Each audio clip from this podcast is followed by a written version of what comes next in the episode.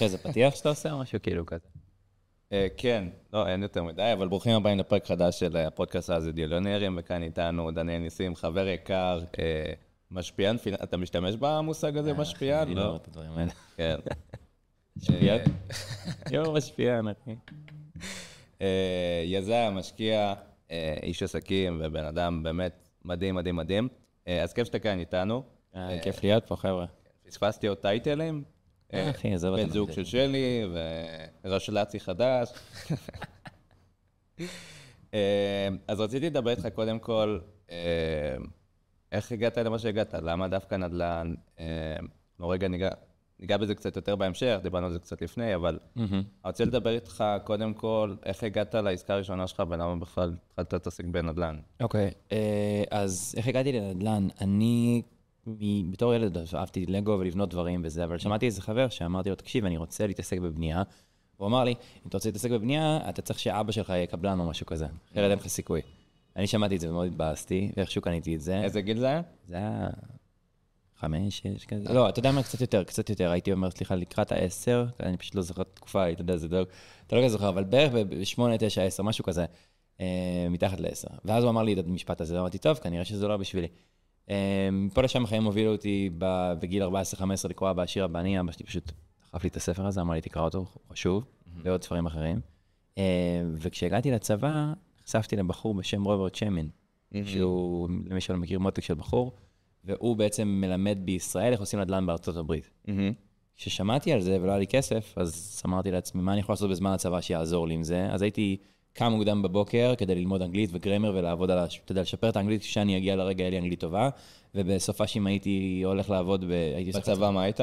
לקחתי טיסה בחיל האוויר. זה האלה שנמצאים באמצע עמידת פיקוח, אתה יודע. ב- ולא לא רואים הרבה בית. ו- מה, כן, 11-3 בדרך כלל הייתי עושה, או לפעמים הם מפלקים אותנו, אז אחד לשלושה. אז תוך כדי העומס הזה בעצם אמרת לעצמך, אני חייב לשפר את האנגלית שלי, והתחלת כן. את הזיק, את הזיקה הראשונה כן, לנדל"ן. כן, כן. פשוט עזבתי כל מה שקשור להסמכות. איך עושים את זה תוך ו- כדי?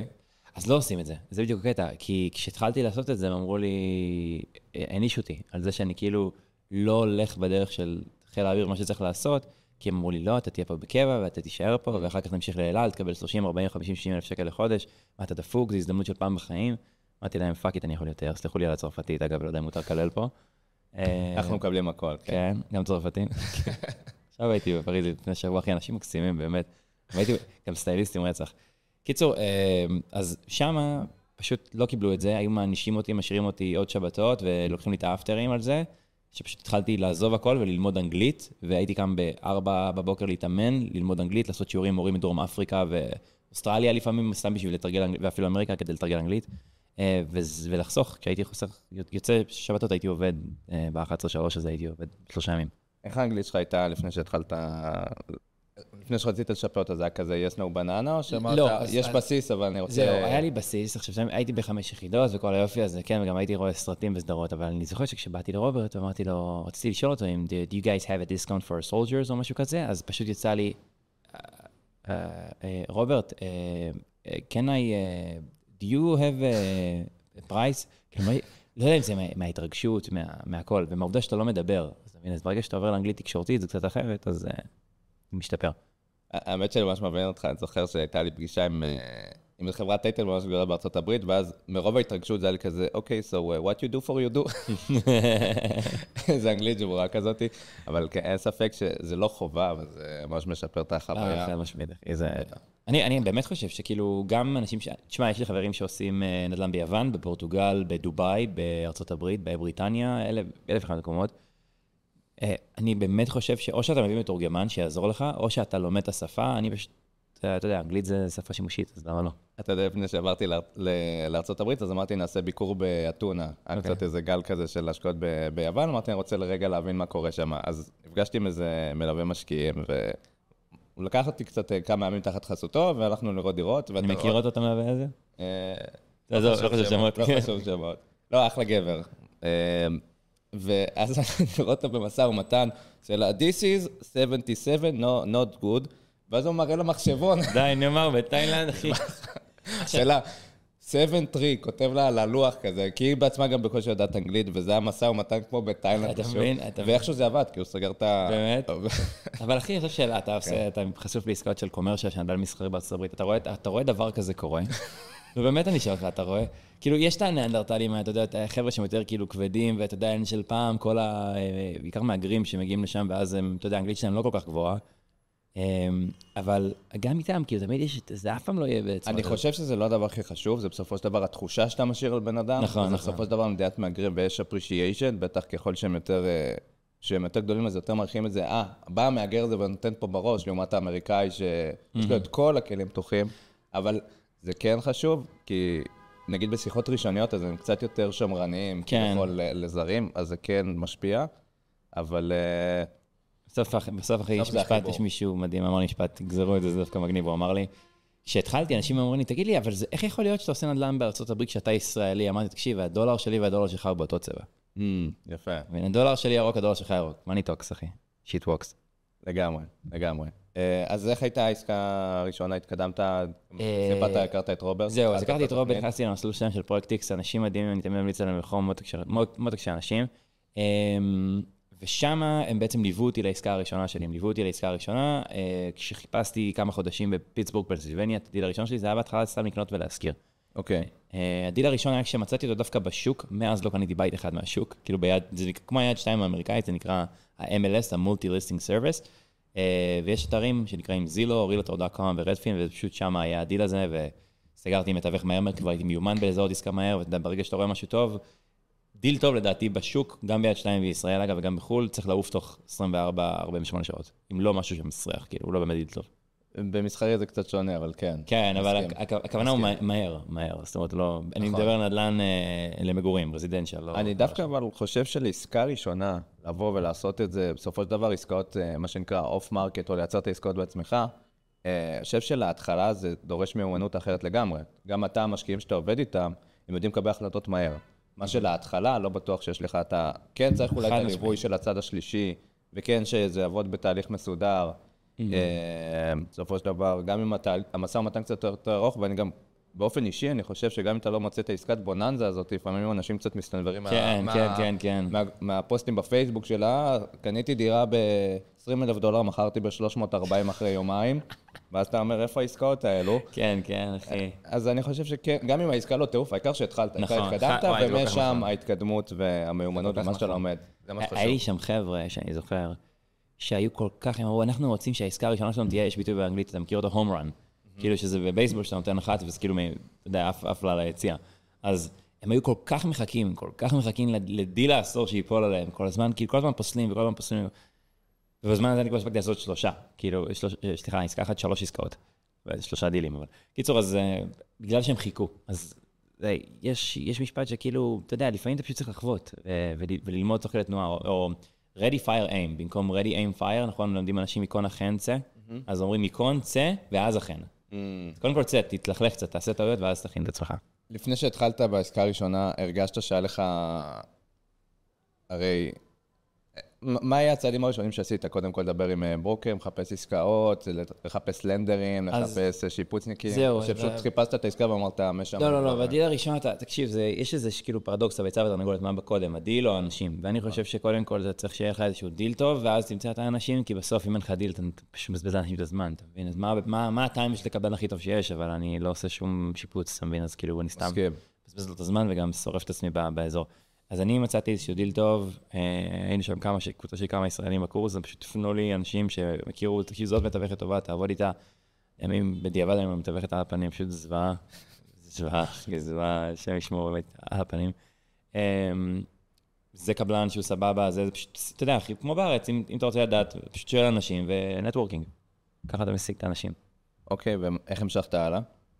אה, שמה, את הדיל השני, האמת, קיבלתי מהפנייה, שזה היה המנהל נכסים, שאני חיברתי לו משקיעים אחרים שהתחילו לעבוד איתו. מדהים. אז אה, הוא בעצם, אה, זה, היה איזשהו דיל שאישה אחת ירו בבעלה, המאהב, סליחה, המאהב, מקסים. משהו דפוק, זה היה בחדשות שם אפילו, המאהב ירה בבעלה או משהו כזה, או משהו מוזר, משהו סיפור אחי שהשם ישמור. בדרך כלל זה הפוך. אוקיי, משהו, יפה. כנראה הפוך זה היה, כן? ופשוט היה שם יריות, והיא אמרה, תקשיב, אני עפה מפה, אני לא נשארת בבית הזה עוד דקה, וזה היה בדיוק כשהתחילה הקורונה. אני לא נשארת ב-2020 מרץ, כזה, פברואר-מרץ. אני לא נשארת פה עוד דקה, אני שנייה לא נשארת פה. ואז הוא אמר לי, תגיד, אתה רוצה את זה? זה איזשהו נכס שאני מכיר, וזה כזה, ואני כזה, ברור. כמה היא רוצה? כאילו, מה המספר? היא רצתה מחיר ביזיוני, כאילו, מראש זה היה- זה היה home run האמת. עד היום אני מחזיק את הנכס הזה, האמת. ואז הוא עלה יפה מאוד, ביחס לאזור, וזהו, זה זה- זה הדיל השני. כן. מושלם. ו... אז התחלת בעצם בהחזקות נדל"ן כביכול. כן, כן, כן, כן, ואז אמרת, אוקיי, נגמר המשאבים, בוא נתחיל לייצר את ה... זהו, אז, אז אני זוכר שכשאני הייתי בהכשרה הזאת, זה למה חשוב נטוורקינג, אני באמת מאמין שאם מישהו, יש שני מסלולים, בן אדם יכול לקחת את המדרגות ובן אדם יכול לקחת את המעלית. מדרגות זה כשאתה עושה הכל לבד בעצמך, אם דופק את הראש בקיר עד שיוצא לך דם ומנסה להשיג משהו. מעלית זה כשאני אומר, אוקיי, יש אנשים שכבר עשו את זה, אולי כדאי שאני אשאל אותם מה הם עשו ואני אקצר לעצמי את הזמן. מסכים. אז היה שם איזה בחור בהכשרה ששאלתי אותו, אמרתי, תקשיב, אני רוצה להתעסק בזה כל יום, כל היום. איך אני עושה שזה זה העיסוק שלי? אני לא רוצה ללכת לעבוד כשליח של וולט, ואני לא רוצה, אני רוצה שזה יהיה העולם שלי. אז אומר, תקשיב, אחרי שאנשים מסיימים הכשרה, אחד הולך לנדל"ן מסחרי, אחד הולך ל multifamily, אחד הולך לחנויות, אחד הולך למלונות, אחד הולך ל... שוב, נדל"ן זה כמו רפואה, אומרים לי, אתה בנדל"ן, אחלה, מה, אתה ברפואה, מה, אתה למה רופא ילדים? בחרת וכל ה- בכיוון שלך? אמ, למה? אה, בגלל שהמודל הווירטואלי יכול לעבוד בו טוב, ובגלל שיש פה אפשרות לתת sweat equity, בעצם של, של לנצח עם העובדה שאתה יכול להיות אה, בחור צעיר שחותר, וגם לא בהכרח עם הון עצמי גבוה. ואני בחרתי בתחום שהוא החלפה של אופציות בעצם, אופציות חוזיות על נדל"ן, ככה נכנסתי לעולם הזה. אוקיי, wholesaling כביכול לעשות flip על החוזה. אני כן. בעצם נהנה מהארביטראז' בין המחיר נכון, הסגירה לבין המחיר. אז בשביל שהאסטרטגיה הזאת תעבוד, אתה צריך לקנות נכסים מתחת למחיר שוק, נכון. באופן משמעותי. כן, אז עכשיו נשאלת השאלה, אם יש דבר כזה, אתה יודע, אבא שלי בארצות, אבא שלי לפעמים אומר, אין דבר כזה יהודי טיפש, כי בארץ יחסית אפשר לאתר עסקאות, אבל הווליום היותר גבוה בארצות הברית של האיתור עסקאות מתחת למחיר שוק, במחירים הזדמנותיים. אז מה באמת המניעים של בן אדם למכור בהם? אתה יודע שאני אני אגיד, אה, שאלה מצוינת, אני גם אגיד על זה משהו. אה, גם בארץ אנשים עושים את זה לפרוטוקול בלבד, גם בנדל"ן מסחרי, גם בנדל"ן למגורים. אה, ובדיוק מאותה סיבה שלפני דקה פה עבר שליח של וולט שראינו אותו, ואני כל פעם אומר את הדוגמה הזאת, פשוט דוגמה טובה. הנה, תן ביס, החבר'ה של תן ביס, זה לא חסות אליהם, חבר'ה. למה אני אזמין מתן ביס אם אני יכול ללכת להכין את זה בעצמי ב-40 שקל? למה אני אזמין בהם ב-80? כי הם נותנים לי נוחות ומהירות. בשנייה שמישהו נותן לי נוחות ומהירות, איזשהו speed and convenience, אני מוכן לשלם על זה. אני מוכן להמיר את הנוחות והמהירות בתמורה להון, מזומן. זה יכול להיות בנדל"ן, זה יכול להיות במסעדה שאני אלך אליה והיא יקרה יותר, זה יכול להיות בתן ביס. אנשים מוכנים להמיר נוחות ומהירות בתמורה להון, וזה בדיוק אותו דבר שאני עושה איתם עם הבתים. אז אם אני מפרק את זה, אני כאילו, יש עכשיו עסקה, בן אדם רוצה למכור עסקה, אז אתה יכול להציע לו עוד דברים בנוסף לכסף. כן. אין לי דיל אחד שעשיתי שלו, שהוא היה, היי, אתה שומע? קח כסף, תלך. אף פעם. תמיד יש סיפור. אתה פותר איזה כאב, פותר איזה בעיה, כן, כביכול. כן, כן, כן. למשל עכשיו, דיל ש... דווקא דיל שנפל בבולטימור במרילנד, שהבחור שנפטר, לא היה לו, לא, לא, לא אישרו לו את הירושה, לא היה לו צוואה בכלל. אנחנו הבאנו עורך דין מטעמנו שהלך ועשה אישור צוואה ומצא את היורשים ועברנו הכל דרך בית משפט. אנחנו עשינו את התהליך הזה, אחרת לא היה אפשר לגעת בנכס. בסוף גילינו שיש שעבוד ענק על נכס של איזה כמעט פי שש מה, מהשווי של הבית, אז אה, משהו היה. קיצור, אה, או דילים אחרים שעשיתי וגם הגיעו לקו, מה שנקרא לקו סיום, אין לי דיל אחד שעשיתי שאין לו איזשהו סיפור עם איזשהו מוכר. מוכר שיש לו סוחר בעייתי שלא משלם ואני קונה את זה עם הנכס, אה, עיקולים של הבנק, אה, foreclosure, אה, הוצאה לפועל, אלף ואחד סיפורים, תמיד יש סיפור. מדהים. איך אתה, איך היה לך בכלל לדבר עם אה, אותם מוכרים? אתה בחור ישראלי, השתחרר מהצבא, ויש הבדלי תרבויות וגם הבדל, סוג של ניסיון חיים, שאתה עכשיו צריך ליצור שיחה עם בן אדם, להשפיע עליו באמצעות אהה, הקול שלך, כי הרי הוא לא כן. פוגש אותך, זה וירטואלי לגמרי. נכון, נכון, נכון. אז איך אתה הרגשת קודם כל להתמודד עם דחיות, וליצור שיח ורפורט, מה שנקרא, עם אותם כן. אנשים? אה, אני, איך שהתחיל- איך שזה התחיל, האמת, מהשיחות הראשונות, הרי בהתחלה הם אומרים לך, תקשיב, תדבר עם מתווכים, כי מתווכים הם יותר, כאילו, מה שנקרא, אמרת, ידידותי למשתמש בתור התחלה. ישר קפצתי על זה, כי הרגשתי מוכן מההכנה שעשיתי בצבא, זוכר שדיברנו על זה? הרגשתי כאילו כבר הייתי מוכן והייתי ממש ממש מבסוט מההזדמנות שבכלל יש לי, סוף סוף מה שנקרא to show up. אמ, אז אני הייתי מבסוט על זה מהרגע הראשון, הייתי ממש מבסוט שיש לי אפשרות לדבר איתם, האנגלית שלי לא הייתה וואו, היום היא הרבה יותר טובה, פשוט כי יש לי יותר, מה שנקרא, זמן טיסה, כמו שעושים לטייסים. אתה יודע, טייסים, הוותק שלהם נמדד לפי כמה זמן אוויר יש להם. נכון. אם טסו הרבה, הם טייסים יותר טובים. אותו דבר גם כנדל"ניסטים, יש לך הרבה הרבה זמן נדל"ן, נקרא לזה, אז אתה נדל"ניסט יותר טוב, בדרך כלל. אה, זהו, פשוט היה לי הרבה הרבה שיחות איתם. אחר כך גם התחלתי לעשות שיחות קרות בעצמי למוכרים, שזה בכלל, חבר'ה, למי שלא יצא לעשות שיחות קרות, אני סופר ממליץ. אה, דפיקת דלתות, שיחות קרות, סוג של קמפיין שהוא קמפיין push, שבו אני מנסה למכור למישהו משהו, out of the blue. אה, משנה חיים, זה skill חבל על הזמן. וואו, זה מסע התפתחות אישית. חבל. בלי מכירות ולהתמודד עם דחיות, ואתה יודע, בסופו של דבר לשנות את הפרספקטיבה הזה ולצחוק על זה ולהיות בסבבה עם ה... כי זה לא קל, וואו, זה... כן, כן, כן, זה היה... אתה שומע הרבה קקע מהפה, וזה... וואי, אחי, איזה סיפורים מזדיינים היית, יש לי... תגיד קצת. אתה רוצה לשמוע קצת משהו דפוק? יאללה, בוא תן לנו קצת ג'וסי. אני, היה לי מישהו אחד שהתקשרתי אליו פעם אחת, וגם אנחנו היינו גם, אני עד היום גם מתקשר, גם מס- גם מסמס לאותם אנשים. בסדר, אנחנו עושים, זה נקרא omni marketing, omnipresent. בשיווק, כשאתה הולך לסופר ואתה רואה את אותו בחור גם בסופר, ואת הפרסומת שלהם בסופר, ואז אתה נוסע באוטובוס, אתה רואה אותו גם באוטובוס, אתה חוזר הביתה, פותח טלוויזיה, רואה אותו גם בטלוויזיה, הוא נוכח בכל מקום, זה נקרא אומני פרזנט. כשאני משווק למישהו, אני רוצה להיות נוכח בכל המקומות, כדי כשב- כשהוא יבוא לקבל את הרכישה שלו, החלטת רכישה או מכירה, הסיכוי שהוא יגיע אליי גבוה יותר, כי הוא, אה, אני כבר מכיר אותו, ראיתי אותו ב. בסדר, זה סוג של התניה חברתית כזאת. אמ, אז אני, כשאני משווק להם, אני רוצה לבוא אליהם גם בעצם אס.אם.אסים, וגם אם לא עונים לי ב-אס.אם.אס, אני אענה, אני אתקשר אליהם גם לחבר'ה, בדרך כלל גם וגם. אז התקשרתי לאיזה מישהו, ואמרתי לו, תקשיב, השיח שלנו היה, היי, this is Daniel, I was just calling about a property on blah blah blah street, I just wanted to know if you would listen to an offer for the property over there. פשוט הייתי שואל אותו אם היה מה לשמוע הצעה. אז הוא ישר ענה לי בעצבים, Don't you ever call me again, you guys are fuckers, if you ever call me again, I'm gonna, I'm gonna shit in your right shoe. אני כולי כזה, מת משחוק, התפוצצתי, הולך לחרבן לך ברגל ובנעל ימין. עכשיו באותו יום שלחנו לו אס.אם.אס לבחור. שלחנו לו אס.אם.אס, אנחנו שולחים לו אס.אם.אס, היי, uh, this is Jerry, מישהו אחר. Uh, just called about the property, and I just wanted to know if you would listen to an offer for it. He's like, oh, so it's you again. So now I need to ha- now I have to shit in your left shoe. זה מה שהוא אמר. ואז, אה, כן, בסוף לא עשינו את ה... שוב, אנחנו לא עובדים עם אנשים, אנחנו 100% מתוך 100 אנשים אולי שניים יהיו רלוונטיים, ומתוך השניים הרלוונטיים צריך אולי 50 כאלה כדי שהם באמת יהיו דיל. אז זה חוק המספרים הגדולים. אז בעצם העבודה היא כביכול לעשות את ה marketing, ואז אחר כך להעביר את זה לשלב של מתוך, הש... מתוך המאה האלו לדבר עם השניים האלו, ובעצם לעשות את השיחת מכירה. נכון, נכון. נכון. ולראות האם התנאים באמת מבשילים. אז מבחינת מספרים, נגיד פנית לאלף איש, כמה מתוך זה כביכול יבשיל למשהו יותר אה, מוחשי? תלוי. אה, יש סטנדרטים בענף, אגב, זה נכון, גם, ב... גם בישראל אולי קצת שונה, אבל בגדול אם אני אתקשר לאלף אנשים, מתוכם יענו לי בין 6 ל-10 אחוזים, זאת אומרת, יענו לי בין 60 ל-100, זה האנשים שבכלל יענו לי, זה נקרא, זאת אומרת, contact.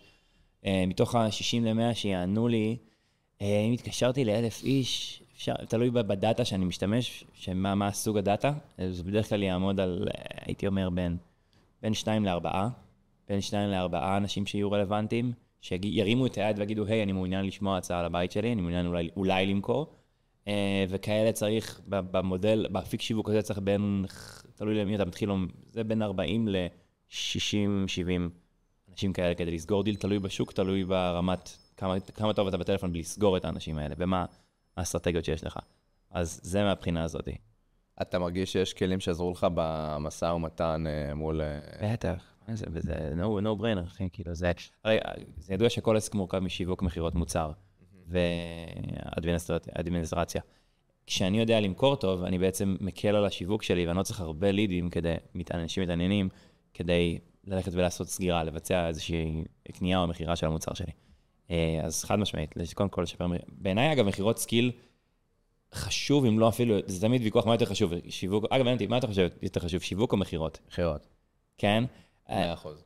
זהו, אני אסביר לך למה. כי איש מכירות יכול ללכת ולייצר לעצמו לבד, גם אם הוא grinder, כאילו בחור שקורע את התחת, הוא יכול תמיד ללכת ולמכור. גם אם זה פה לאוזן, גם אם זה זה, גם אם זה לייצר לעצמו לידים. אנשי שיווק יכולים לייצר לידים, אבל אם לא יודעים לסגור אותם, אני מאוד חושב שגם, גם אם אתה לא מבין כלום בשיווק, אתה יכול אפשר, כמובן גם מכירות, אבל אני חושב שזה skills גם ברמה האישית, הרבה יותר חשובה, כי זה מלמד אותך המון על התמודדות ולהיות resilient לאתגרים. נכון, נכון. נכון, חד אני לא חושב שיש כלי יותר מטורף להתפתחות אישית, וזה עוזר בכל התחומים. אולי דבר. 75 Hard. כן. אה, אז התחלת עם העולם הזה של לייצר בעצם את העסקאות בעצמך. כן. ואז עשית איזה shifting, אני רוצה גם לדבר איתך בהמשך אחר כך על היצירת תוכן וכזה, גם ממש מעניין אותי, אבל התחלת, אה, לייצר את העסקאות בעצמך, אנחנו מדברים על שנתיים, שלוש, נכון? כן. שנתיים. כמה זמן אני עושה את זה? מ-2019, תחילת 2020 הייתי אומר. שלוש שנים? לא הרבה, זה כלום. שלוש שנים, נכון. וואי, אני זוכר את הפגישה הראשונה שנפגשנו בשרונה על הלימונדה שם, שבדיוק זה היה בתחילת הדרך של שנינו. נכון, זה היה ממש פה, אחי, נכון, כן. נכון, נכון, אני זוכר, זה היה... זה היה ממש בהתחלה. קפה... שלוש? שאתה אתה סיפרת לי על אה, אה, never split the difference, של קריס ווס. כן, כן. זה life changing בעיניי. יש. אותו בעברית? או יש תרגום שלו? וואלה, אני חושב שכן. אני כמעט בטוח שתרגמו אותו, נכון? תרגמו אותו, הוא ספר מעולה. ספר מדהים, אה, לי הוא משנה באמת, ברמה האישית אפילו, ב- ב- כן, מה לקחת ממנו מעניין אותי לשמוע? המון דברים. קודם כל, שלא לפעמים יכול להיות שקרי, כן, אה? שגם labeling, אתה יודע, mirroring. labeling מעולה. דבר רגע על labeling, כי זה בטוח יעזור פה לאנשים. בוא נדבר על labeling. יש לנו לפעמים סיטואציות שהן יכולות להיות מה שנקרא טריקיות. מהמם. ובוא ניקח את זה לסיטואציה של עולם ה dating. אני עכשיו רוצה, יש בחורה שמוצאת חן בעיניי, ואני רוצה עכשיו להזמין אותה לקפה. מהמם. אז בשביל לא להפוך את זה ל-Awkward, ובעצם סוג של לקרוא את המחשבות שלה ולראות איך אני שם בעצם אה, תווית על הסיטואציה, בשביל לגרום לה, אוקיי, אני מרגיש אותך, אני מבין אותך, אני מבין ששתינו פה סוג של בסיטואציה מאתגרת, סיטואציה קצת אה, מיוחדת, ואנחנו רוצים, מה שנקרא, להקליל אותה, ושתראי שאני מבין אותך. זה יכול להיות ב dating, זה יכול להיות בעולם העסקים, זה יכול להיות במשא ומתן כזה או אחר. אז אני אגיד לה, אה, יודע שזה קצת, שזה קצת בעייתי, אבל יש labeling ויש גם הגזמה. אני משתמש גם בלהגזים בשביל אה, לגרום לבן אדם, אה, עוד שנייה אני אגע בזה, אבל לצורך הדוגמה, אני יודע שעכשיו זה קצת מוזר, אבל את נראית לי ממש ממש חמודה. אני יודע שזה קצת out of the blue, אבל אני רוצה לראות אם אתה רוצה למכור את הנכס שלך. אהה. ברגע שאני שם סיטואציה, קורא לבן אדם סוג של את המחשבות ושם לו labeling, אז זה קצת מקליל את הסיטואציה. אה, לא יודע אם זה ההסבר הכי מדויק לזה, אבל אני משתמש בזה המון, גם במשא ומתן, כן, זה- זה- זה- עושה המון המון קריס ווסים, ב... נגיד עכשיו, מה? לא, אני אומר, זה מצחיק, עושה המון קריס ווסים, זה כבר נהיה פועל. עוד אחד הדברים שאהבתי ממנו, שהוא תמיד רוצה לגרום לצד השני כאילו מעורב בהחלטה. נגיד עכשיו בחנו נכס אה, בגיינסוויל, וראיתי שהעסקה... מה? לא. כן, זה היה ג'קסונוויל, כן. אוקיי, והמספרים שלנו לא כל כך עבדו. אוקיי. אז פשוט אמרתי למוכר, טוב, מה, זה המספרים א', ב', ג', ד', how can I do that?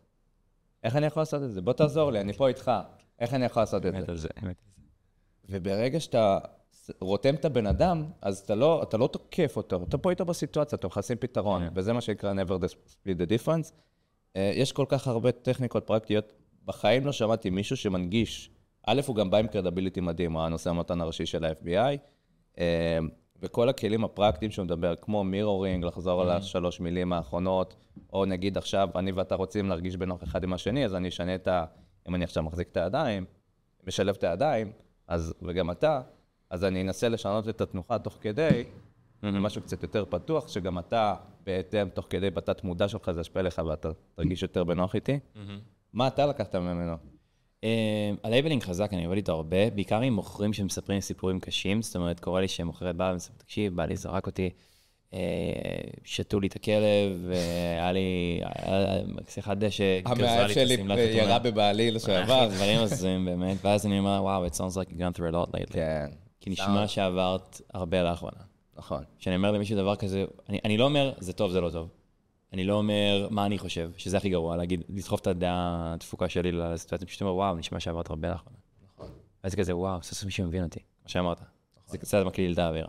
בדיוק. אה, מותק של בחור קריס ווז, יש משהו, אבל, אגב, איך אני יכול לעשות את זה, זה, זה אני מת על זה, שפשוט, זה באמת טוב, שכשאני לא עובד, המספרים לא עובדים, באופן כללי, מישהו מבקש ממך משהו שהוא כאילו אה, לא ריאלי, או, או מוגזם, זה פשוט רגע, "אבל תעזור לי, איך אני יכול לעשות דבר כזה? איך, איך אפשר? ואז הוא נהיה שותף בהחלטה, כמו שאמרת. אני חושב גם שדבר חשוב שצריך להגיד, uh, never split the difference, הגישה שכאילו אף פעם אל תחלוק את ה...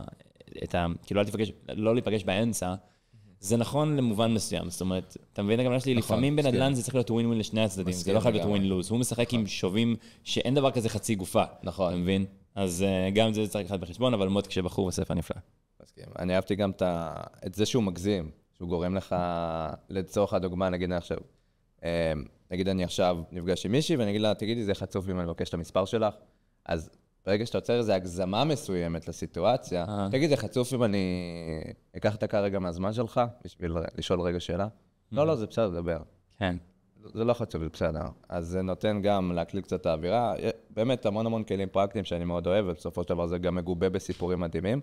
אז דיברנו קצת על משא ומתן, אני, נחזור רגע לעסק הנדל"ני, אוקיי. ותוך כדי התחלת עם uh, ליצור תכנים ומה שנקרא... כן, אה, מאיפה זה בא? זהו, פשוט היה לי מורים טובים, באמת, מה, מה, since day one הם תמיד, תמיד, תמיד אמרו לי, תקשיב, אני לא אשכח, אני הייתי באיזשהו אה, סדנה שעשיתי, והמורה שם היה, אני יושב שם, אתה יודע, מכיר את זה שאתה בסדנה באמת פרקטית טובה, לא משהו שהוא סתם לשם, אתה יודע, לשם הבלבול מוח, ואתה יוצא משם ב- באורות, מה שנקרא, ואז אני מסתכל על המרצה, אני אומר, תקשיב, אתה שינית לי את החיים עכשיו, איך אני יכול לעזור לך? כאילו, מה אני יכול אני לעשות בשבילך? כי לימדו אותי לא רק לקחת, אלא גם לתת. ואז הוא אמר לי, אני, אני כבר, יש לי מספיק. אתה רוצה? תצליח, תעביר את זה הלאה. זה היה המנטרה שלו. תצליח, תעביר את זה הלאה. ומאז שהוא אמר לי את זה, זה כאילו עשה לי כזה... כי כשהלכתי לשאול מישהו אחר, מורה אחר אחר כך בהמשך שעזר לי, אמרתי לו, איך אני יכול לעזור לך? הוא אמר לי, תצליח, תעביר את זה הלאה. באותו משפט, כאילו הם תיאמו ביניהם. וקלטתי שזה vibe כזה של כל אותם חבר'ה שמבחינתם הם כבר, אתה יודע, כזה פדה, ואומרים פשוט, תעביר את זה הלאה, תעביר את זה הלאה. אז זה נהיה הסיבה שאני עושה את זה. איך התחלת? התחלת גם uh, לייצר בהתחלה, התחלת עם How to Israel, אה, זה, זה, גל היקר, כן, ואז כן, לאחר כן. מכן... כן, אה, זה- כן, במסגרת הצבא, כמו שאמרתי, מה שהייתי עושה בבוקר זה לשפר אנגלית וגם ללמוד הרבה התפתחות אישית. פשוט הייתי מדבר על זה עם מלא אנשים שם בצבא, והבת זוג שהייתה לי אז, אגב, לא כל כך תמכה בכל הקונספט הזה. אז כנראה זה היה, אה, באנגלית יש ביטוי, אני לא כל כך יודע מה המקביל של זה בעברית, זה- זה זה- זה האאוטלט שלי. כאילו, נכון, יש ביטוי כזה זה של... מעניין שהיית כאילו כביכול תחת אישות no face כביכול, כן. ואז עברת להיות... אתה יודע למה? אה, פחד. בגלל פחד, שכאילו אמרתי, הם לא יקשיבו לי, אני רק חייל, מי אני בכלל, שיגיד את זה, לפעמים אנשים קל יותר להזדהות עם אה, no face, כאילו שזה איזשהו עמוד כללי. אה, אנונימיות לא רציתי כאילו שישגעו אותי, רציתי את השקט שלי להתמקד בדברים שאני עושה באנגלית וב... לא, לא רציתי את זה בראש שלי. אה, אבל בעיקר לדעתי פחד, בעיקר פחד, הקטע הזה. זה, זה מדהים, כי גם התחלת, הגעת להמון המון אנשים. גם בניו יורק, כאילו, השם שלך מתנוסס בניו כזה. יורק, באמת? בין אפילו אנשים. בניו יורק? אתה מכיר את הבחור הזה שכותב ב... כן, כן. וואלה, באמת, ענק, אשכרה. זה מדהים שנהיה לך גם את אה, את התווית שלך בעולם הזה. אה, איך איך אתה מוצא אבל את הזמן באמת אה, לא. לעשות גם וגם? אני לא, אני לא, באמת, אני לא איזשהו אה, מודל טוב ששווה להסתכל עליו בקטע הזה, אני קצת חוטא בזה גם לאחרונה, כי באחרונה אני, בגלל שאני. אה, עכשיו, התחלתי לשים על זה יותר משמעת כדי להגיד, אוקיי, רגש לא יעבוד פה. אחד השיעורים שאמרתי לאחרונה אחרי ה-75 ארט זה שרגש לא עוזר בשום דבר, הוא פשוט כאילו, באמת, אה, אני, כואב לי על מישהו שמתנהל מתוך רגש, שרק רגש מניע אותו, היום בא לו אז הוא הולך, מחר לא בא לו אז הוא לא הולך, זה, זה, אז, כן. אה, זה, זה לא עובד, זה לא, לא באמת ייצר שום דבר גדול באמת. לא תראה את יוסיין בולט אומר, אתה יודע, היום לא בא לי טוב, אז אני היום לא... אין סרט כזה. כשאתה משחק, כשאתה top performer, אתה, אתה עושה כל הזמן. בתחום הזה אני לא top performer, אבל זה מתוך בחירה, כי אני עושה את זה רק כדי להעביר, להעביר את הידע הלאה, וזה לא ה craft שלי, אני לא, בגלל שאתה שאלת על משפיען, אני לא משפיען. אני, היו לי מורים טובים, אמרו לי, תקשיב, אם אתה יודע את משהו, תעביר אותו הלאה, זו הסיבה שאני עושה את זה. אז אני לא מספיק טוב בזה, אני, זו נקודה שאני דווקא חלש בה. אמ, כי אני עכשיו בתקופה שאני מצמיח יותר את העסק הפרטי שלי, כי אני רוצה להגיע לגבהים אחרים. יותר מתרכז ב-one thing כביכול. חד משמעית, זה זה, זה זה זה. גרי קלר, ספר שנקרא The One Thing, שדיבר על זה שאתה רוצה להיות, קריסטיאנו רונלדו לא נהיה קריסטיאנו רונלדו גם בכדורגל וגם בכדורסל, הוא קודם כל נהיה קריסטיאנו רונלדו בכדורגל, ועכשיו הוא יכול להתפזר ולהסתכל על בוא נבנה מלון במדריד או דברים מהסוג הזה. אז ה-The One Thing שלי זה נדל"ן בארצות הברית. וגם שם יש לי עוד הרבה ללמוד, אתה מבין? אבל כדי שאני אוכל להיות בזה, זה לא נגמר אף פעם. אה, ממש לא, וזה הכיף גם. אה, אבל זה ה-one thing שלי. זה איזשהו מה שאני עושה, מה שנקרא מה... אז אם נחזור רגע לקריירה הנדל"נית. אה, כן. אתה פתאום רגע עושה רפלקשן לשלוש שנים, ואתה... כמה כמה עבר מאז? אה, זה כן. מטורף. אה, מה מה אתה מרגיש שהיה השיעור הכי חשוב שלמדת מהכישלונות שלך? א', אני נכשל כל יום.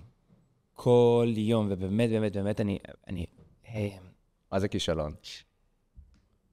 תשמע, באמת אני מאמין בזה, ואני באמת משתדל לחיות לפי זה, שכל עוד אני משחק, ואני משחק את החיים שלי, וההצלחה בעיניי באמת זה... זה אני, קודם כל, מי שמי בכלל להגיד מה זה הצלחה, כן? זה הכל סובייקטיבי, אבל בעיניי, לדעתי, כל עוד אתה קם בבוקר, אתה אוהב את מה שאתה עושה, ואתה ממשיך לשחק, ואתה ממשיך לחלום, לא משנה בין כמה אתה, לא משנה כמה חרא החיים זורקים עליך, ולא משנה מה האתגרים שלך, ואתה בוחר בכל זאת להמשיך לקום יום אחרי יום אחרי יום ולרדוף אחרי המטרות שלך והחלומות שלך, ניצחת. מסכים. ניצחת. מפה כאילו כבר אין לך, אין לך שום דבר שאתה יכול להפסיד. מה כבר הדבר הכי גרוע שיכול לקרות, אתה מבין?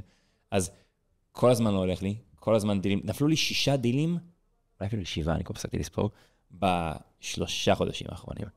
אחי, זה מלא, וזה עש, עשרות אלפי דולרים שאני מבזבז על שיווק, שפשוט נפלו אחד אחרי השני כמו זבובים. וואו. עכשיו, יכול להיות שבן אדם אחר היה אומר, תקשיב, די, I had it, אני כבר הספיק לי.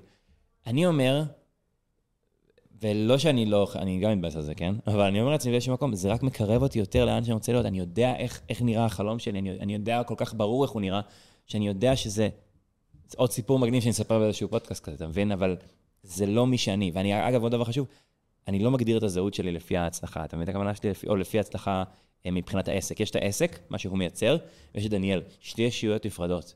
זה שברק עכשיו הוא אותו בחור נפלא, והוא, והוא אז כבן אדם הוא איש מדהים, אבל העסק שלו כרגע אומר שנפל לו איזשהו דיל, או כן הצליח לו דיל, זה לא מגדיר את מי שהוא. אתה מבין את הכוונה? שאני מפריד בין השניים האלה, הרבה יותר קל לי. אה, כן, זה מה שאני חושב. מדהים. מה זה כסף עבורך? אה, חופש. חופש? כן, חופש, אחי. חופש לעשות מה שאתה אוהב, אה, מינוף, שאתה יכול להשתמש בחופש הזה כדי לקנות זמן, חוויות, כיף עם האנשים שאתה אוהב. אה, אין לו כסף, כסף זה דבר מדהים, אחי. מסכים לגמרי. אמ, אז אתה עדיין עושה היום את האסטרטגיות push? texting? יש לי גם, יש לי גם callers ו texting. עכשיו קצת שיניתי את זה, כי היה איזושהי רגולציות עם הטקסטים שם, אני לא יודע אם ראית את זה.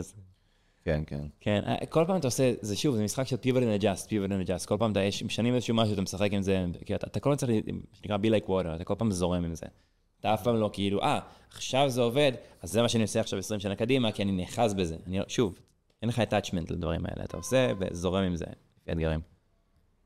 אה, אז בוא נדבר רגע על, ה... על השינוי אסטרטגיה שלך בעסק, שהדגשת כן. יותר תחום שפחות התעסקת בו, נכון? PPC. בכלל ו... לא, אין לי כלום, שום דבר, אחי, לא מגיע מהעולם הזה. גם mail marketing או שרק אה, PPC? direct mail אני עושה לנישתי, לא, לא אנשים ספציפיים, לא, לא direct mail. Mm-hmm. אז השאלה שלך בעצם מה, למה עברתי לתחום הזה? כן. אני חבר ב mastermind של שון טרי, שהוא אחד מהאבות המייסדים של ה... לא באמת האבות המייסדים, אבל הוא פשוט פעיל הרבה הרבה זמן, 20 שנה בתחום הזה. וכשבאתי לשם, זה היה מגניב. נתתי הרצאה בסוף 2022, שנה שעברה, ואני בא לשם, כולי full of myself, באמת, כזה מושתן מסריח. ואני בא לשם ומספר להם איזה כיף, עשיתי כמה מאות אלפי דולרים, ואני מבסוט, ואני, ואני כאילו מתלהב מזה וזה, ואני מתלהב מהעובדה שאני מישראל. עכשיו, לא בקטע שחצן, והתלהבתי מהעובדה שזה עובד לי, כי גם השוק היה אחר, כן? ואז הם פשוט מתחילים לדבר שאני כל אחד לספר את העסק שלו, מה הוא עושה, ופשוט הרגשתי כזה מטומטם. והם מסתכלים על העסק שלי, ואגב, שמחתי מזה, נהניתי להיות הכי טיפש בחדר, אני עד היום הכי טיפש שם בחדר, ואני נהנה מזה כל כך, אני כל כך כל כך כל כך נהנה מזה. הם פשוט ניתחו לי את העסק, אמרו לי, תקשיב, אם תמשיך עם האסטרטגיה הזאת, אין לך סיכוי בגל של השינוי ריביות. אם אתה עושה את הדבר הזה, יש לך קאפ שאתה מגיע אליו. אם לא תשנה, נתנו לי ממש ניתוח לב פתוח לדוח רווח והפסד שלי, של העסק. אמ, והבנתי שה cap שלי זה היה הייצור leads, כשאני תקוע בשוק אחד, ואני רק משתמש באסטרטגיות של push, של שיחות קרות ו-SMSים, יש limit לכמה אני יכול להגיע. יש limit. אתה יודע מה מדהים אותי בעולם, בעיקר של פחות wholesaling, כי זה עולם שקצת יותר מכיר, זה ה... שאתה צריך לבוא עם המון אמונה עצמית וביטחון, שאני הולך לעשות פעולות מסוימות, שבסופו של דבר יניבו לי X, כי כן, אין פה KPI, בסופו של דבר נגענו קצת ב-KPI, אבל המדד שלך הוא לא כל כך מדויק, כי כמו שאמרת, אני יכול להגיע לשש עסקאות ולהשקיע בזה אלפי דולרים, והם יפלו. אז, ואתה בזמן הזה מנהל עסק ועובדים ו, וזמן ו, ו, ואתגרים. ואיך אתה מרגיש שאתה ברגעים של משבר, כביכול, אתגרים, יש לך עדיין את האמונה העצמית uh, להמשיך? תמיד, תמיד. זה לא, זה לא, זה, לא, זה מצחיק. מה זאת אומרת, נכון שהייתי ביוני, בפיניקס, במלון שם, mm-hmm. ואני זוכר שאני יושב שם, ואני גם, אה, וזה, אגב, פאנפקט, זאת אחת השנים, אחת השנים, אני כולה שלוש שנים בזה, כן? אבל זאת אחד, דווקא מבחינת השנה, איך פתחתי אותה והשינויים וכל מה שקורה, היא לא מהיותר, אה, נקרא לזה, אה, מוצלחות שלי מבחינת, אה, נקרא לזה ווליום של עסקאות. אבל מבחינת השינוי וה... זאת אומרת, זה כמו למשל של הבמבוק טרי, מכיר את זה? שאתה שותל אותו ואתה לא רואה כלום, ורק פתאום אחרי חמש שנים הוא כן. טס למעלה לגובה של כמה מטרים. אז זאת שנה, ואני שם לב לזה מבחינת הדברים שאני עושה, שהם הרבה יותר לבנות את התשתית ולבנות את הדברים נכון, כדי שתוכל מפה לטוס למעלה, ואז, ואז יהיה overnight success, אתה מבין? ואולי נשמע את זה עוד איזה שנה מעכשיו, ונגיד, כן, הנה, אתה רואה, זה קרה, הדבר הזה. אז כשהייתי שם ב mastermind, היה איזה בחור שאמר, כן, אני עשיתי רק 300 אלף דולר השנה, אה, ואני מבואס, ואני שוקל לחזור חזרה לתחום של הביטוח שעבדתי בו. ואני מסתכל עליו מהצד. בתור אחד שנסע 17 שעות טיסה בשביל יומיים כדי להגיע לצד השני של העולם, ובלי uh, הפסקות בין לבין וזה. מאיפה האומץ? אני פחות ממהגר, אני fucking פחות ממהגר. באתי מהצד השני של העולם כדי להיות פה, ואתה אומר, כן, אם זה לא יעבוד, אני להיות זוכר ביום. אין plan B. אין plan B, אחי. זה או שזה עובד, או שאני מת בדרך. אין plan B. אין דבר כזה plan B. אתה מבין? אז אין plan, אין plan B. זה, זה, זה, בדיוק כזה, אין, אין סיכוי שזה לא יעבוד. או שזה עובד, או שאני מת בדרך כזה שזה עובד, וזה יעבוד. מה... איפה אתה רואה את עצמך ממשיך בעולם, ה... בעולם הנדל"ן? אתה חושב שאתם... עכשיו אתם מטרגטים בעיקר... nationwide. nationwide. nationwide, אבל סינגלים, דופלקסים, residential כביכול? residential, כן. וגם multi, או ש... לא, אם, אם מגיע multi שוב, זה, כנראה איזה דופלקס, triplex מהסוג הזה. יש לך מחשבות גם להתחיל עכשיו אה, ליצור איזה סינדיקציות ולהתחיל להחזיק, פוקוס, פוקוס, וכן, או ש... פוקוס, פוקוס, פוקוס. להתמקד כרגע בזה. עד שאני לא מגיע לכמה מיליוני דולרים קבועים מזה, לא. לא. פוקוס, אחי. איך אתה מרגיש? שלמדתי, כן, shiny object syndrome, מכיר? תסביר, למי שלא אה, מכיר. כיזם, לא שאני איזה, שוב, יש גדולים ממני וטובים ממני, אני פשוט אומר את זה מהניסיון האישי שלי. אה, הרבה פעמים יקפוץ לך, ברגע שקצת משהו מתחיל לעבוד, אתה תתחיל לפזול לדברים אחרים. אתה תתחיל לחשוב על הדבר הנוצץ הבא. נקרא shiny object syndrome, תסמונת הדבר הנוצץ הבא. ואז אתה מאבד את הפוקוס של מה שהתחלת לעשות במקום להגדיל אותו ולעשות אותו טוב יותר, ואתה רודף אחרי הדבר הנוצץ הבא, כי הריגוש חסר לך. וואי, מסכים כל כך, וכיזם זה פרדוקס גדול, כי אתה רואה, אה, אני רואה את הדבר כן. הזה, אני יכול לעשות אותו קצת יותר טוב, אז בואו ניכנס לדבר הזה, אבל מה one thing? אה, בדיוק, the one thing. the one thing. כל פעם אני אומר לעצמי, רונלדו לא נהיה רונלדו, גם בכדורסל, גם בכדורגל, גם בטניס, נהיה רונלדו בכדורגל. אחר כך, כשאתה יושב על האולימפוס, וכשאתה העסק שלך כבר, לדעתי, אה, זה מאיר כל פעם מדבר על זה, שכשהעסק שלך חוצה את הכמה מיליוני דולרים במחזור שנתי, בין, בין 1 ל-10 מיליון, אז שווה לך אולי לחשוב על פיצול של איזשהו שירות נוסף שקשור לאותם אנשים, אגב, בין היתר, לאותו industry. למשל, עסק של flipping, שאתה גם עושה wholesaling, אבל כשאתה כבר חוצה איזשהו רף מסוים, ואני עוד לא שם, ואני אומר את זה בשיא הצניעות. אבל שוב, אני משחק את המשחק שלי, זה המסלול שלי וזה מה שאני עושה, ואני פה כדי להישאר לעוד 20, 30, 40 שנה גם אם צריך, אתה מבין? אז זה כל כך חשוב, כי גם ככל שאתה כאילו יכול, עולה קצת בסולם המדרגות, אז גם מגיעות לך הרבה יותר כביכול הזדמנויות. כן, בטח כביכול עם נוכחות ברשת, ואנשים יותר מכירים אותך בתעשייה ואת השם שלך, ואז, אה, אתה אחלה גבר, בוא נעשה איזה משהו, בוא נעשה משהו. מה אתה אומר? אנחנו נחשוב על משהו, ואתה את זה, צריך אני שונא את זה. to disqualify the leads. אני שונא את זה, אחי. את הבוא נעשה משהו הזה, אני לא סובל את זה, באמת. כי, אתה יודע ממי למדתי את זה, ואני פעם הייתי מה... מה, מה בוא נעשה משהו, כן, אז אני בא, אני שמה. הייתי כאילו ישר רץ, רץ לעשות, אז הייתי ישר בא, בא לעשות. כשפגשתי את ה top performers, את החבר'ה שהם ה... הכי, ה-1% שה-1%, אתה מסתכל עליהם בעיניים, אתה רואה שהם ככה. וואו. אחי, הם ככה, אתה יוצא לך לעבוד עם ה top performer שלך ב commercial, אחי, הם, הם עושים, יש להם נישה, הם יושבים עליה חזק, הם לא זזים מילימטר ימינה, אם זה לא ב buy box שלהם, עפים, הם כאילו לא מסתכלים ימינה-שמאלה בכלל. והחדות הזאת, הפוקוס הזה, אתה יודע, הרי עם קרן לייזר, אם תכוון את ה... ש- סליחה, קרן, קרן שמש, היא ככה מפוזרת, היא לא עושה נזק לאף אחד. קצת, אבל לא עושה באמת. אם תיקח זכוכית מגדלת ותכוון אותה, היא יכולה להעמיס משהו, יכולה להוציא ממש, לייצר אש. אז זה בדיוק העניין של הפוקוס, אחי, אני... זה אחד השיעורים הכי גדולים שלמדתי בשנה הקודמת. כל כך מדויק. הכרתי בניו יורק בחור אה, ישראלי שעבד עם אה, מיליארדר, והם עושים רק student housing. הם מתעסקים ברמה של בלוק אחד. אם אתה לא במרחק של חמש דקות מהאוניברסיטה, בניין אחד ליד, לא מעניין אותי, כן, לא רוצה כן. לשמוע. אז הם יבחנו שלוש עסקאות בשנה. אבל פוקוס, פוקוס, פוקוס. זה מה שהם עושים. יש להם של... 300 רשומות אב בכל ארצות הברית. מה זה רשומות אב? תסלח לי על הבורות. סליחה, כביכול אה, בניינים. אוקיי. חמ- ח- 300 בניינים כביכול שהם מסתכלים עליהם, מחכים פשוט שהם ימכרו. לא מתעסקים. וחברה, חברה שיושבת בפיפט אבניו ומתעסקים רק בזה. ואני זוכר, הלכתי איתו ל- לייל לראות נכסים, ובניין אחד ליד השקעה, זה לא בקטע, לא מעניין לא רוצה לשמוע, וזה פוקוס, שהייתי כזה, אבל אתה יכול לעשות שם כסף, למה כן, לא? כן. אתה יכול לעשות שם 100, 200, 300, לא מעניין אותי. כן. לא יודע, לא לא רוצה להבין בזה גם. אתה מבין? וזה מקסים, אבל זו אסטרטגיה שהביאה לבן אדם הזה הצלחה כבירה. אה, ממש. אז זה משהו גם, חושב שזה, אתה, מר, אתה מרגיש שיש הרגלים שאימצת על עצמך מבחינה מנטלית, שממש עזרו לך להתמודד? אה, הרוטינת בוקר, אחי. כשמישהו אומר לי, כשאני שואל איך אתה קם, הוא אומר לי, אני קם כמו תאונה, או יום כן, לא, לפעמים אני כן, אני מדמיין רק פעמיים, שלוש בשבוע, או משהו כזה וזה, אני יודע שהוא בעצמו, בתוך תוכו מרגיש תחושה של ups and downs, כמו רכבת הרים. אין לו שגרה, אין לו משהו קבוע. האדם אוהב שגרה, אבל האדם אוהב שיש לו... כשהייתי בטוני רובינס ב-UPW, הוא דיבר על זה שבן אדם שהוא top performer, שהוא היה עובד עם אה, נדאל, שהוא היה עובד עם אה, אה, קונר מקרגור, למי שמכיר באגרוף, היה עובד עם, עם הטופ של הטופ, אופרה ווינפרי, הוא היה אומר, היית רואה שיש להם רוטינה, הם יודעים להכניס את עצמם ל state הנכון. וואו. אני צריך לדעת להכניס את עצמי כל יום מחדש ל state הנכון. זה לפני שהיינו, לפני שנפגשנו, הלכתי לעזריאלי, זה אולי כאילו להתאמן שם, לא, לא לשופינג, כן? שופינג וזעם מכניס אותי לשופינג ל state הנכון, סתם לא, באמת. אני אומר, אני צריך לדעת מה, יש להם ביטוי, אה, לצערי, זה, זה לא בקטע פלצני, באמת אין לזה מקביל בעברית, אבל באנגלית יש משפט, uh, That's what makes them tick. כאילו, זה מה, ש, זה מה שמכניס אותו למוד שלו, בסדר? אז נכון. צריך לדעת what makes you tick. אז נכון. זה הרוטינת בוקר, שאתה חייב לך אחת חדש, כל יום מחדש תיכנס למוד ותהיה ב zone. מסכים, אני... לדעתי. זה, זה גם, דיברנו קצת על הצבא לפני, אבל הצבא מגיע לדברים מקדימים כי יש גם מנגנונים.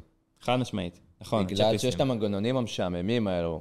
אני מדבר רגע על הסיירות כביכול. אתה קם מוקדם, יש לך את הרוטינה הכי משעממת שיש, אבל בסופו של דבר זה מה שהופך אותך לבאמת כל כך מוצלח. כן. ואני זוכר שבאמת, זו שאלה שאני תמיד שואל אנשים מאוד מאוד מצליחים. שהיא מנגנון מאוד משעמם, אני עושה כל יום, וזה מה שמביא אותי לדברים האלו, זה, זה משפיע על הכל. חד משמעית. אתה מכיר תודה, הדברים, הדברים הכי פשוטים בסופו של דבר משפיעים. אתה יודע, הדברים הקטנים האלו. כן, כן, כן. לעזוב רגע את הטלפון לפני שינה ולא להכניס לך רע. אחד הדברים שגם אה, לימדו אותי, אמרו לי, נכון, אתה פותח את הבוקר, אתה רואה לפעמים וואטסאפים, או קצת אה, mm-hmm. הודעות וסושיאל מדיה, שטויות כאלו, אל תעשה את זה יותר. כי אתה נזכר באתמול, אתה, אתה נשארת באתמול, במקום להתעסק בהווה ובעתיד. במקום לתכנן את היום ולדאוג רגע לברק של עכשיו, ולהיות נוכח ברגע ולהירגע, mm-hmm. להתעסק רגע באתמול. נכון. תשאיר את זה לכמה שעות, ואז תתחיל. לגמרי, לא מסכים, מסכים, אחי, מסכים מאוד. זה...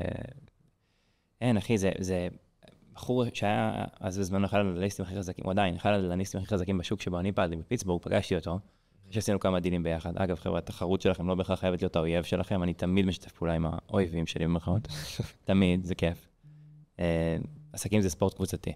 אז מה, ש, מה שקרה זה כשאני באתי אליו בעצם וישבתי איתו ודיברתי איתו, הוא אמר לי, תקשיב, א', לגבי, לגבי המשפט הקודם שלנו, הוא אמר, you chase to rabbits, you, you chase to rabbits, you catch none. אתה רודף אחרי שתי ארנבות, אתה תופס אף אחת מהם, ומבחינת הפוקוס, והוא גם דיבר על זה שכשבן אדם אה, עושה פעולות נורמליות לאורך זמן, הן יוצרות תוצאות לא נורמליות. זה כתוב ליד המלך, פעולות נורמליות לאורך זמן יוצרות תוצאות לא נורמליות.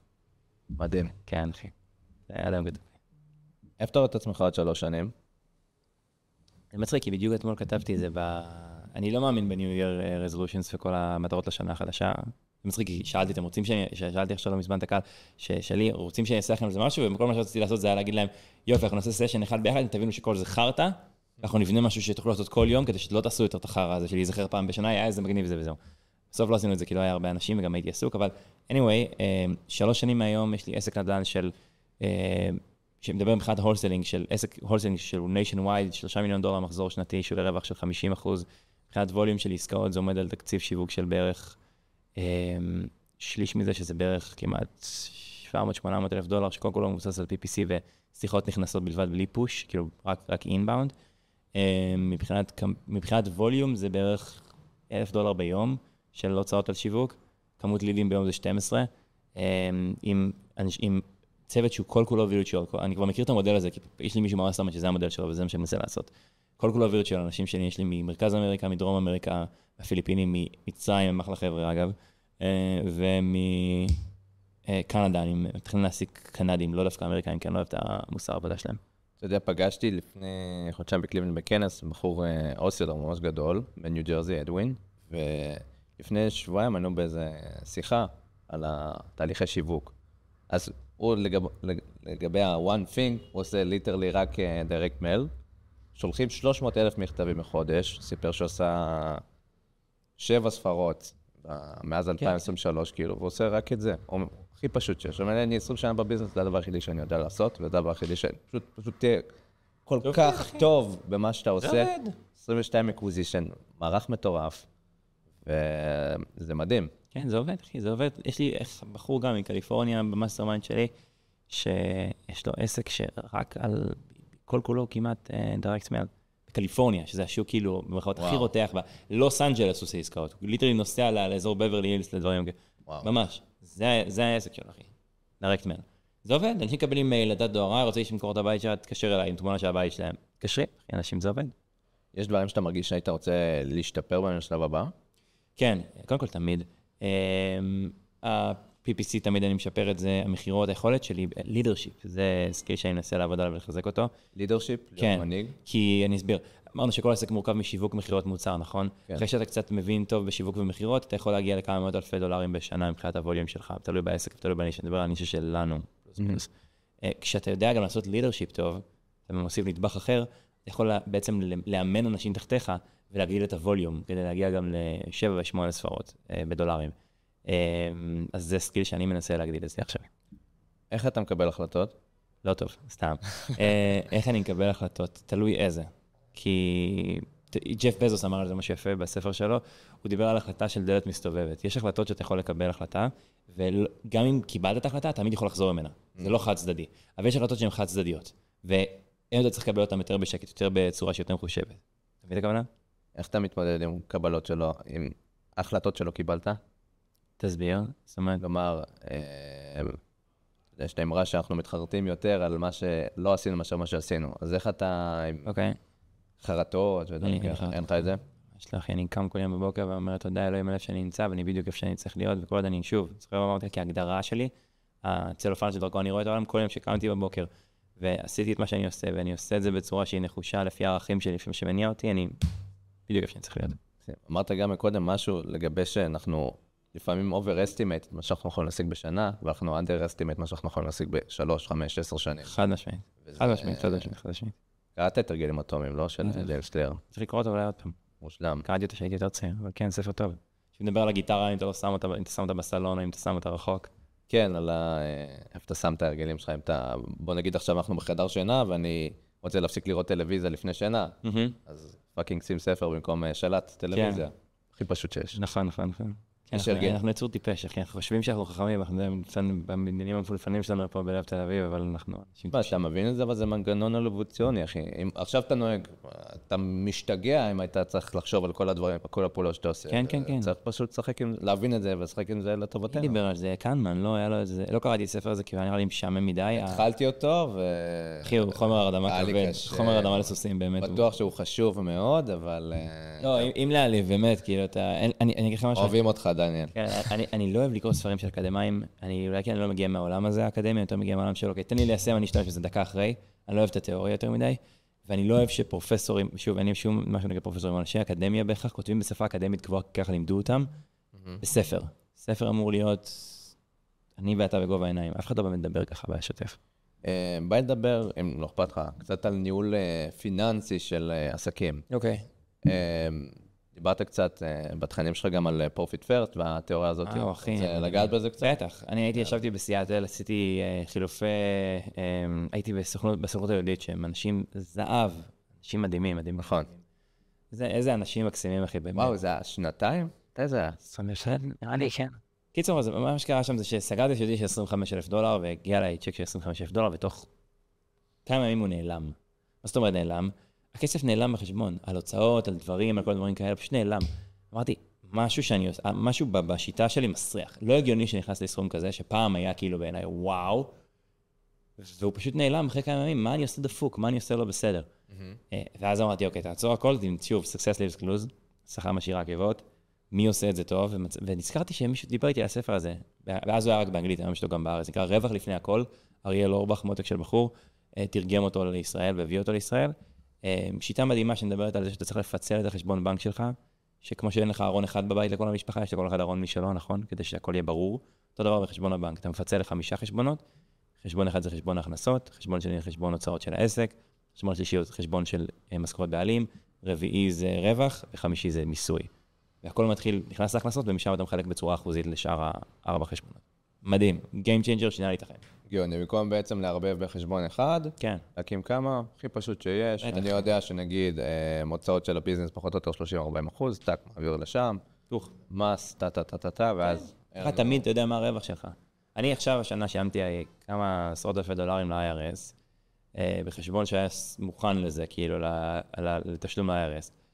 לך תגיד למישהו עכשיו, שומע, בוא, צריך, אם לא, הוא לא יתארגן לדברים האלה מראש, שומע, אתה צריך לשלם לרשויות כמה עשרות אלפי דולרים, כי אתה, אה, זה שירות רווח, בלה, כל הדברים האלה, ופתאום הוא צריך להביא את זה out of nowhere.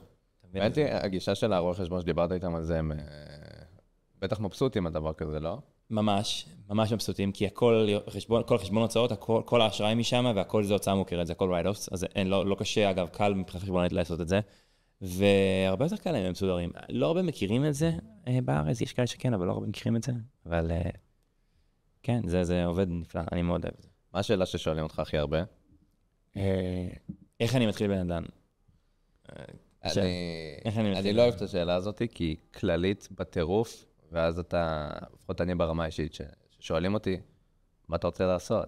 כן, מה אתה רוצה להיות? איפה אתה רוצה להיות? כאילו, מה אני אענה לך? כן, זה כמו אליס בארץ הפלאות, מכיר את זה? כן. כאילו, לאן את רוצה ללכת, ואז הוא אומר, אני לא יודעת, זה לא משנה לאן תלכי. בדיוק. אז אה, מה גם... אתה עונה על זה? תלוי, depends. זה תלוי כאילו מה, מה המטרה שלך, מה אתה מחפש לעשות. תמיד אני מפנה המון לאנשים לפרויקט X, כי שם אני התחלתי. אה, אני לא מלמד את הדברים האלה עכשיו, פשוט כי אם שוב פוקוס, פוקוס, פוקוס, אני צריך להישאר פוקוס על המטרה שלי, ורק אחר כך ממקום אחר לעזור לאנשים. היה לך אבל פה עם נדל"ן ישראל, לא? לי. הכשרה ש... כן, עם, עם יובל שוורצמן שעשינו, זה היה לקבוצה סגורה, שעשינו הכשרה של נדל"ן אתם בישראל. ממשיכים עם זה או שזה... כרגע זה על הולד, פשוט מהסיבה שעשינו את זה, פתחנו את זה, רציתי לראות קודם כל קבוצה של 20-30 אנשים לראות שהם עושים ומיישמים. העניין הוא שאם מישהו לא יושב לך על הראש, אה, וזה לא רק ישראלים, זה גם ככה בכל העולם, אם מישהו לא יושב לך על הראש, איזשהו מורה צמוד, יושב לך על הראש ואומר לך, תעשה, תעשה, תעשה, תעשה, זה הדברים, ובודק אותך דרך accountability, זה דין וחשבון. רוב כן. האנשים נוטים לא לעשות, לצערי, אני, אני הייתי אופטימי מדי, אני בטוח שאם אני אתן לך את ה playbook, אתה תעשה.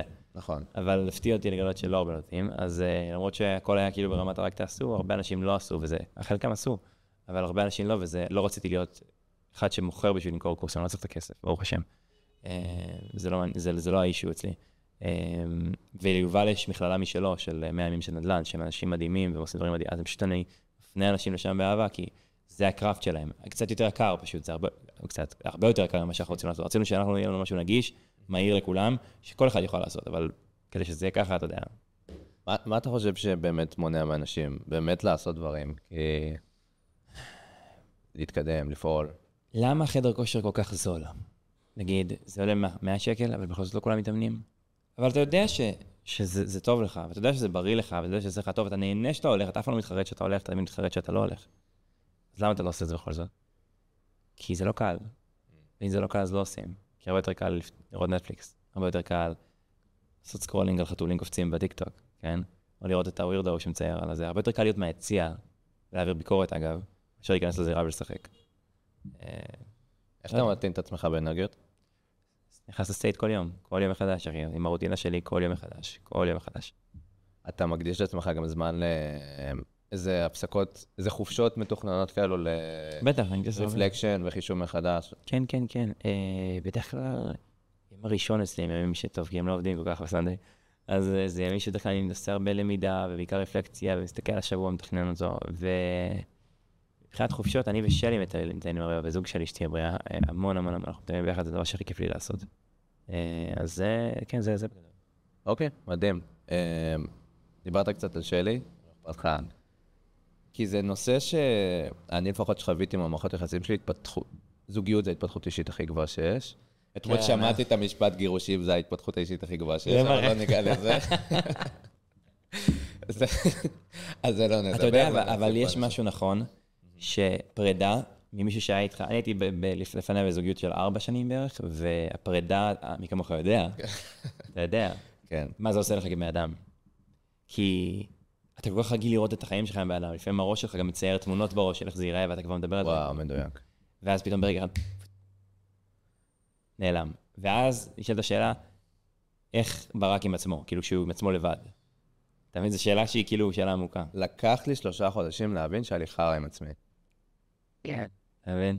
היה לי, לקח לי שלושה, אני זוכר, שבוע הראשון שלי בניו יורק, אתה, אצלנו קידוש, אנחנו מסורתיים, וקידוש כאילו ב- ב- בערב שישי, בקטע. משפחתי, כן, גם אצלי. זה must. לעולם, לא זכור לי פעם אחת שפספסנו, וגם אם כן, כאילו... גם שי עולה בזום. לא צוחק, אבל לפעמים הוא עולה. ואני זוכר את עצמי יושב בניו יורק, מוקף בבניין, הייתי ב- בסאבלט בהתחלה בבניין של ישראלים, ואתה לבד עם עצמך בקידוש. והיה לי חרא, עד אתה מתחיל לשבת כל העולם, חרות, טה טה טה טה. ואז לקח לי קצת זמן להשליך, להשליך על זה, והבנתי שפשוט היה לי רע עם עצמי. כן. לא קשור לעולם בכלל. אם היה לי טוב עם עצמי, היה לי מושלם, כן. צ'יל, כיף, כאילו, אנחנו גם ככה בעשייה כל הזמן, אז, אז וואלה פנן, מה הבעיה ליהנות מארוחת טעימה וכיפית? זה בסדר גם להיות לבד. אה, אז הפרידה שלי, שאני חוויתי, הבנתי שהיה לי מאוד קשה עם עצמי דווקא, ואז אתה פתאום מבין הרבה הרבה דברים על עצמך, אז אין ספק שפרידה כן, כן, זה כן. שיעור גדול, לא פחות גם אה, להיות, אבל לא מאחד את זה לאף אחד מן הסתם. בטח. כדי שתוכל להכיל אה, אה, רגש מסוים, אתה צריך קודם כל שיהיה לך את הכלי להכיל אותו. וכדי שיהיה לך את הכלי להכיל אותו, אתה צריך ליצור את הכלי. או כדי להכיל מים, אתה צריך לחפור בור כדי שהמים יוכלו להיות שם. מסכים. אז אה, כן. איך, איך שלי הייתה בהתחלה עם כל העשייה שלך? כי הרי זה בא עם מחיר מסוים, שזה גם הזמן הפיזי מן הסתם, כי אתה, הרי אתה עובד הפוך. כן. אם היא עובדת בעיקר אה, לפי שעון ישראל, אתה עובד לפי שעון ארה"ב, וזוכר שזה אחד הדברים הכי קשים שהיו, נגיד אצלנו, שזה היה, אוקיי, אין לנו כל כך זמן, אז צריך רגע לעשות טיים בלוקינג ודברים כאלו, וזה לא, אתה לא תמיד יכול להיות ספונטני. נכון, נכון. אני בכלל חושב שמשמעת יוצרת חופש, וכשאני בעצם מכניס משמעת ללו"ז, מסכים. ואני יוצר לעצמי את הבלוקים שאני איתה, ולנו יש קבוע, יש לי KPIs גם לזוגיות. וזה מצחיק להגיד, זה נשמע קצת רובוטי, אבל fuck זה מה שעובד לי. אה, כשאני יודע שזוגיות שלי, אני, אני ב- ב- במטרות שלי, חלק מהמטרות שלי, וזה אגב עוד, עוד הבחנה. הרבה אנשים שהם בתחום, ה, אתה יודע, של ה-achievement, או בכלל, אה, נקרא לזה, אה, אנשי עסקים למיניהם, או יזמים, whatever, וגם אגב שכירים בכירים, זה לא, זה לא משנה. אה, העבודה והקריירה הם כאילו לא עולים בקנה אחד עם הזוגיות. הזוגיות היא לא מטרה בעיניהם בכלל, היא בסדר, משהו שאני עושה. אני, הזוגיות אצלי היא מטרה, להיות אבא טוב, להיות בן זוג טוב, להיות איזה מטרה אצלי. אני לא כאילו רואה את זה כעוד דבר. כשאומרים מה המטרות שלך לשנה הקרובה, זה במטרות שלי, זה ממש כתוב שם. וכשהמטרות שלי, ה-KPI שלי זה שאני ושלי, אנחנו, אין יום, גם כשלא היינו גרים ביחד, שאנחנו לא נדבר. אין דבר כזה לא לא לדבר. אין, אין סרט כזה, שיחה של לפחות חצי שעה, שעה, שמונה, סתם, סתם להקשיב למה היה לה היום. אין דבר כזה. אה, דייטים אנחנו עושים פעם, פעמיים בשבוע, מינימום פעם אחת בשבוע, דייט שבועי. לא משנה כמה אני עסוק, לא משנה כמה אני עסוק, אנחנו נמצא זמן בתחילת שבוע לקבוע את זה, זמן שאני והיא עושים פה יכול להיות בוקר, ערב, whatever. שלי ושלה לבד, בלי שום דבר. ב Google Calendar שמים invitation. Fucking Google Calendar. אוקיי. אוקיי. אמ, הפתעה, אני אפתיע אותה אחת לשבוע. היא לא יודעת, כאילו, היא כן יודעת את זה, אבל היא... הפתעות זה בשוטף, כאילו, לא צריך לחכות ליום הולדת שלה כדי להפתיע אותה. זה הפתעות. מסכים ממש. כל שבוע אני אפתיע אותה על משהו. זה ברמת, טסנו לפריז, הלכתי לעשות הליכה, חזרתי עם ורד, התלהבה, כאילו, עד כדי כך. כי לפזר קסם, כמו שבדיסני עושים לך, אגב, הזוגיות שלי, ההגדרה שלי לזה במטרות זה זוגיות כמו בדיסני. ככה אני רוצה את הזוגיות שלי, וזה זה, הק- זה הפוקוס שלי בזה. כמו בדיסני, כמו שאתה רואה בסרטים שם, fuck, זה כזה טוב, כזה. אז פעם בשבוע אני אפזר את, הקסם הזה במרכאות, פעם ב... פעם בחודש אנחנו נעשה איזושהי חוויה ביחד, זה יכול להיות אה, מהופעה של ברונו מרס שהולכים שבוע, אה, חודש הבא, לטיול. בארץ? כן, הוא בארץ, ברונו מרס. אה, ושוב, אנחנו מראש מתכננים את הדברים האלה קדימה. להופעה של קולפליי שסגרנו לשנה קדימה באתונה, כי היה כרטיסים לדקה וסתפסנו. אה, כאילו זה מהדברים האלה, ופעם ברבעון זה טיול גדול ביחד שאנחנו נעשה. כאילו זה יכול להיות ארה"ב, אה, דובאי שהיינו, פריז היינו עכשיו שבוע, לפני שבועיים. אה, אז דברים כאלה כאילו כל רבעון. כשאני פוגע ככה במספרים שלי, קשה לי, שלשום, לא היה לי זמן בכלל במוצא של זה, אבל עדיין אמרנו שהולכים, אז הלכנו ל- למסעדה ביחד, סתם בשביל הכיף. בסדר. אתה מכניס זמן לספונטניות גם בלו"ז? לא יודע, יהיה רובוטי להגיד שלא, אבל כאילו, מה זה תגדיר כאילו ספונטניות שאני אומר כאילו סתם זמן אללה בבאללה כזה? יום, אללה בבאללה. יום אללה בבאללה. שבת. שבת, שבת אני לא עושה, זה- אני עובד מוצ"ש כאילו בדרך כלל, אבל אה, שבת, שישי שבת אני כאילו, היהדות, אתה יודע, זה מהערב, אז מהערב עד הערב אני לא, אה, בדרך כלל לא עובד או משהו כזה. זה, זה הרגל חשוב לאללה, לקחת את השבת, גם מסיבה דתית וגם אם לא, מקסים. כן. אמ, מה היית לקראת סיום? טיפ אחד שהיית אומר לדניאל של גיל 20? תמשיך לעשות מה שאתה עושה. אתה בדיוק איפה שצריך להיות. אמ, ספר אהוב? ספר, יש ספר טוב האמת, שאני רוצה להביא אחד שהוא לא כאילו איזשהו קלישאה שכולם מכירים. אבא של רבני, לא שמעת. כן, לא שמעת, לא מכיר, מי שלא מכיר, סתם. אה, Traction מעולה. Traction התחלתי לקרוא אותו. Traction ספר פצצה. אני גם צריך לקרוא אותו עוד פעם עכשיו. אבל הייתי אומר דווקא משהו שיותר אנשים התחברו אליו, מי הזיז את הגבינה שלי, מכיר? ספר מעולה, אגב, לפרידות פצצה. אה, מי הזיז את הגבינה שלי זה, לא לא לכם, אבל לדבר על כשבן אדם צריך לקבל החלטה קשה שהוא יודע שהוא צריך לעשות, כל אחד הספר הזה פוגע בזווית אחרת. כשאתה קורא אותו, אתה יודע בדיוק מה הדבר שאתה צריך לעשות ואתה דוחה אותו, ואז סוף הספר אתה זורק את הספר ועושה אותו. אז לי זה היה גם עם הפרידה, זה היה, הפרידה שלי הייתה על המי הזיז את הגבינה. אה, וכן, זה ספר מדהים. אמ,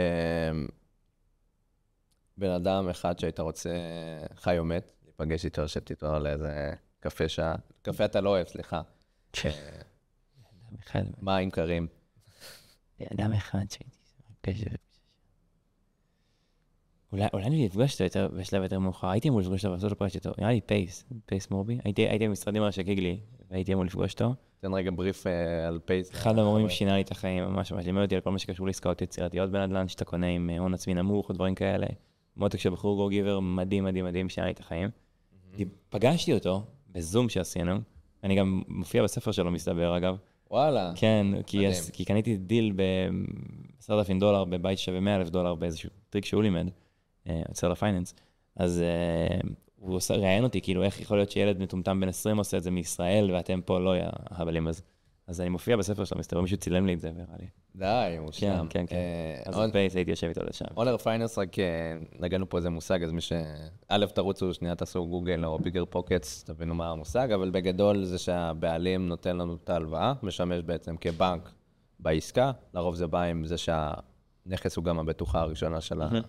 של הבעלים, יש לפעמים גם second position, לא ניגע לתסבוכת הזאתי, ואנחנו בעצם קונים את הנכס, משלמים תשלום מסוים, כמו שאנחנו משלמים לבנק, נגיד, היופי שאנחנו במשא ומתן ישיר מול הבעלים, אז אנחנו יכולים גם חמישה אחוזים מערך הבית, עשרה אחוזים, אה, כמו שאתה סיפרת, אז הבית שווה 100 אלף דולר, ה-10 אלף דולר, וכל השאר בתשלומים, כלומר 90 אלף דולר יתרה, עם זירו אינטרסט, אגב, כאילו, בלי... no interest, no אינטרסט. צריך ללחוץ לך יד על זה. כן, זה עובד לי. וואו, מושלם. זה בית, תדע לך, אחד הבתים החמודים, באמת בית חמוד, באמת בית חמוד. מדהים. אה, לא ניגע עכשיו בכל הנדל"ן יצירתי. אבל מי שרוצה. להיכנס לתחום הזה, יש לו ספר שנקרא אה, Wealth, משהו... פייס מורבי, ספר עם ביגר פוקטס, אני לא זוכר את השם שלו, תחפשו, זה השם של- זה השם של הספר. מושלם. משהו אחרון לסיום שהיית רוצה להוסיף? אחלה מקום, אחי, אחלה ספוט. כן. שמח שלא עשו לנו הגדודו פה מאחור. כן, כן. יאללה, המון המון תודה על החברות, על הערך. אוהב אותך, אחי. הצלחה.